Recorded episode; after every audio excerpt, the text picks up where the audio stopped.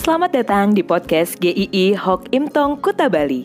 Penginjil Ray Reginaldi akan membagikan renungan harian singkat untuk membawa Anda mengenal dan menyembah Tuhan Yesus, bertumbuh dan menjadi murid Kristus, serta berdampak untuk banyak orang.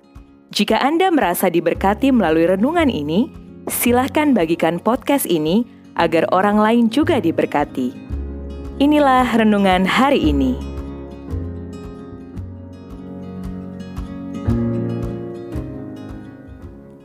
Tidak terhentikan bagian 2 Kisah para Rasul 6 dan 7 David Platt dalam bukunya Radikal mengatakan Kenyataannya adalah bahwa jika kita benar-benar menjadi seperti Yesus Dunia ini akan membenci kita. Mengapa? Karena dunia membenci Yesus. Itulah yang dialami Stefanus dia hidup dalam pimpinan Roh Kudus, dia memberitakan kebenaran di dalam Tuhan Yesus, dia hidup mengikuti apa yang Tuhan Yesus mau, tetapi dunia menolaknya. Saat itu dia jadi sasaran untuk dihakimi. Dia dihakimi di antara 70 orang dari anggota mahkamah agama itu. Tapi dia berkhotbah di sana. Dia menyampaikan firman Tuhan namun tidak ada satu orang pun dari 70 orang itu yang mau bertobat. Khotbah Stefanus itu ditolak. Kebenaran yang kita nyatakan di dalam Tuhan Yesus tidak selalu diterima oleh orang-orang yang tidak kenal Tuhan. Itu adalah kenyataan dunia ini. Tapi Stefanus bukan cari selamat, tetapi menyatakan keselamatan walaupun akhirnya hidupnya pun berakhir.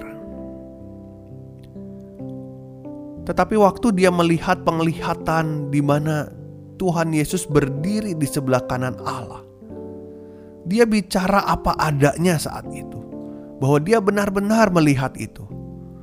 Mungkin dia bisa berpikir, kalau saya melihat dan saya nggak ngomong, sepertinya gak akan ada yang tahu juga dan saya tetap aman. Tetapi dia mengatakannya dengan terang benderang dengan sangat jelas.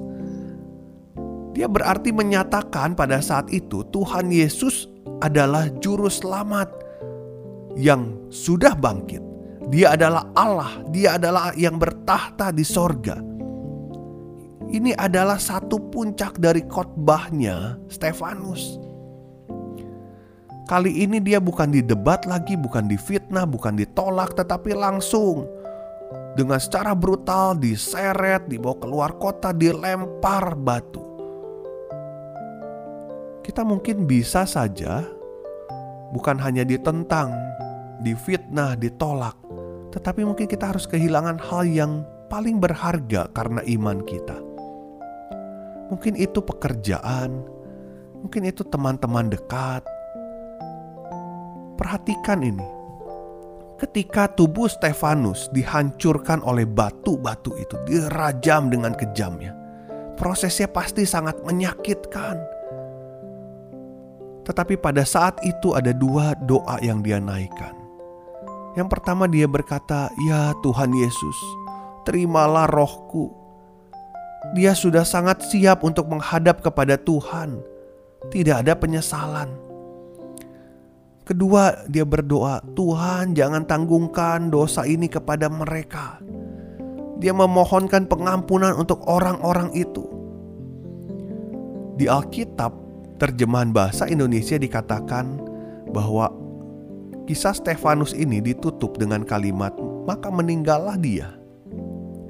Tetapi yang indah di dalam bahasa aslinya, Lukas, penulis kitab Kisah Para Rasul ini menulis, "Maka tidurlah dia. Lukas menulis kata itu dengan maksud sengaja. Memang kata tidur dalam bahasa aslinya bisa sama dengan kata meninggal, mati. Tapi itu menyatakan Stefanus bukan berakhir dengan menyedihkan, tetapi dengan ketenangan, dengan tidur yang tenang. Dia sudah layak istirahat selamanya bersama juru selamatnya. Stefanus tidak terhentikan untuk tetap menyatakan kebenaran walaupun ada pengorbanan yang begitu besar karena dia tahu itu adalah kebenaran. Kita bisa belajar dari hidup Stefanus. Hidupnya jelas. Jelas sekali imannya ditaruh pada siapa. Siapa yang dipercayanya. Apa yang harus dikatakannya. Apa resiko dari semuanya itu. Dia jelas bahwa hidup bagi Kristus adalah hidup sepenuhnya milik Kristus. Dunia akan membencinya karena itu karena dunia membenci Kristus. Maka kita perlu jelas akan hidup kita. Kalau kita percaya kepada Tuhan Yesus bahwa kita adalah anak-anaknya, kita harus jelas betulkah kita sungguh percaya di dalam Tuhan Yesus. Siapa yang akan memimpin kita, Roh Kudus atau diri kita? Resiko apa yang akan kita tanggung ketika kita mengikut Tuhan dengan setia dan benar? Itulah hidup yang jelas di dalam Tuhan maka biarlah kita tetap berjalan di dalam jalan yang benar menurut firman Tuhan. Sampai berjumpa di bagian ketiga di esok hari. Tuhan memberkati.